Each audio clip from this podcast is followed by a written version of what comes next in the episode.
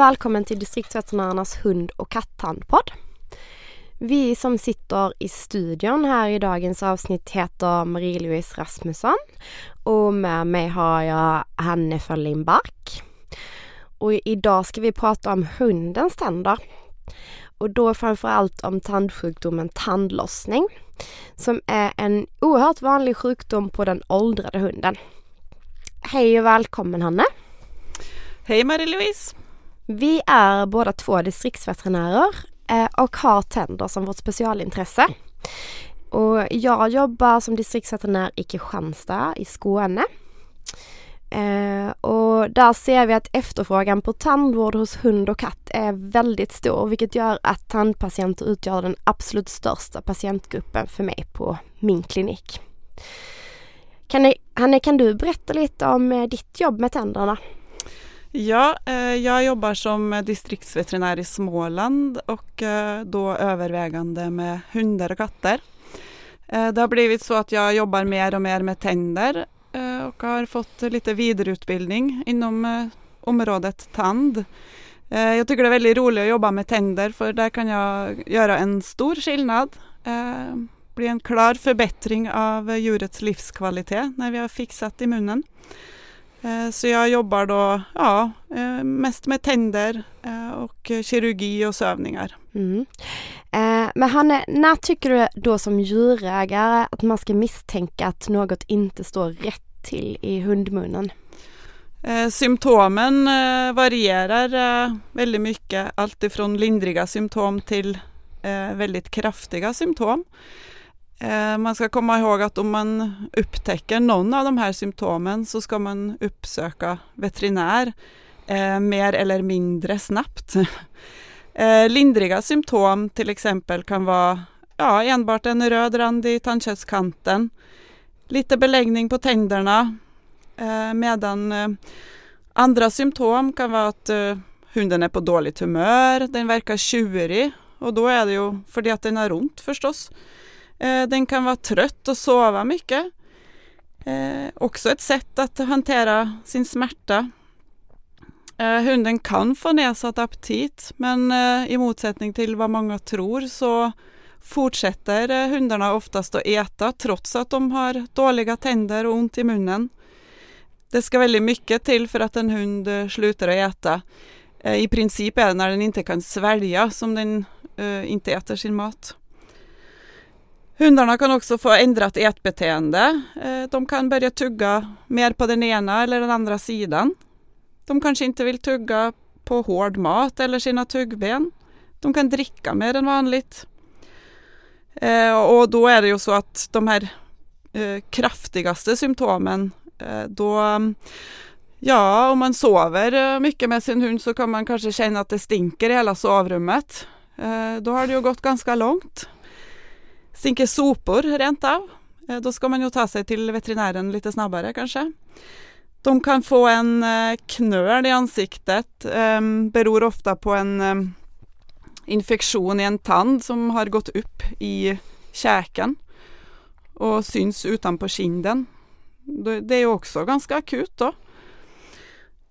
Eh, och om hunden får ont direkt när man klappar den eller berör den i ansiktet, då är det också väldigt akut. Eller om man ser att eh, saliven är blodblandad, att de dreglar blodblandat, eh, då är det också mer akut. Mm. Väldigt eh, dramatiskt eh, ja. kan det faktiskt bli bara av tänderna. Men, men vad är det som händer med tänderna egentligen? Varför, varför får hundarna de här symptomen?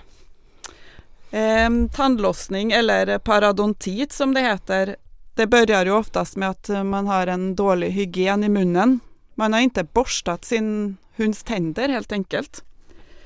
Och när hunden eh, äter, det är ju som hos oss, då mm, fastnar det plack på tänderna.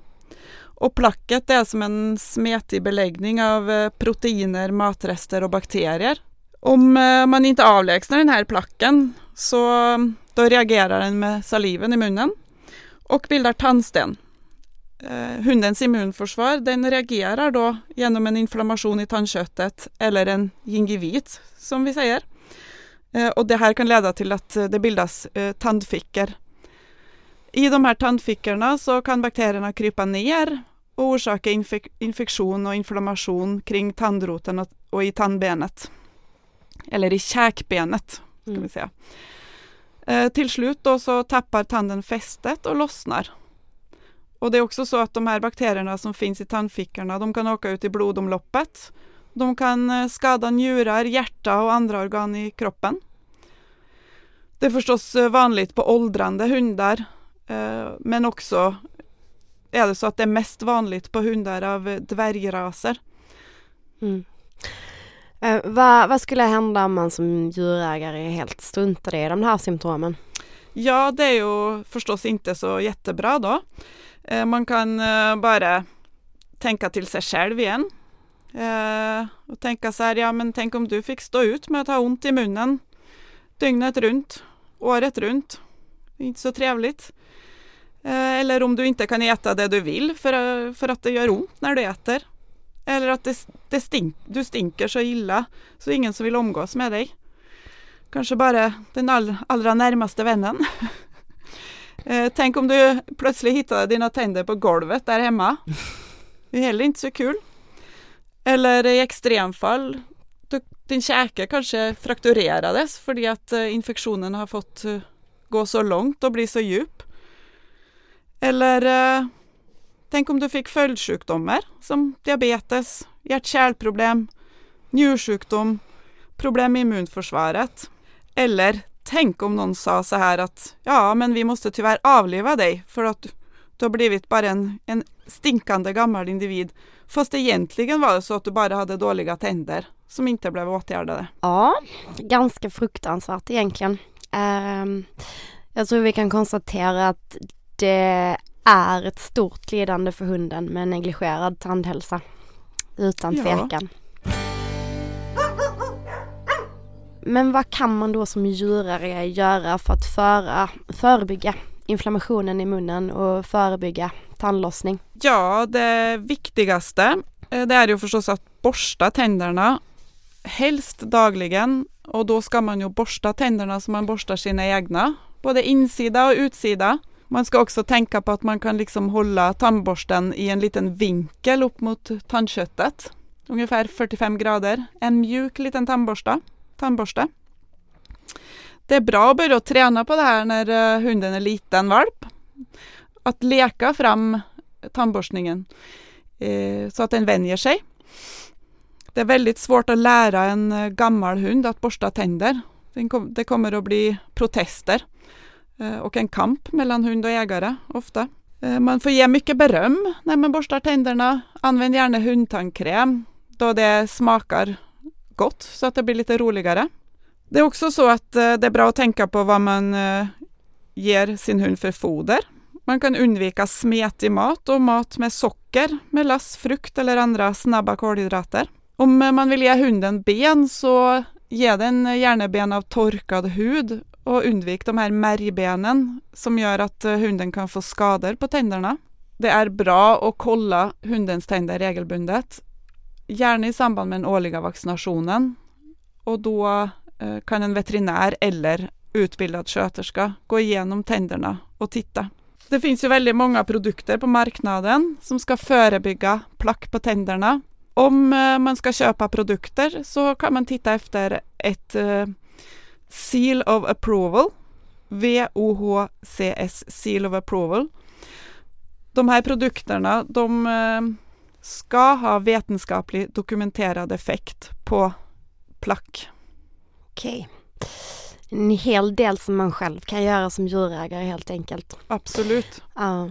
Uh, men kan du inte berätta lite om hur en munhåleundersökning går till när man kommer in med sin hund på din klinik?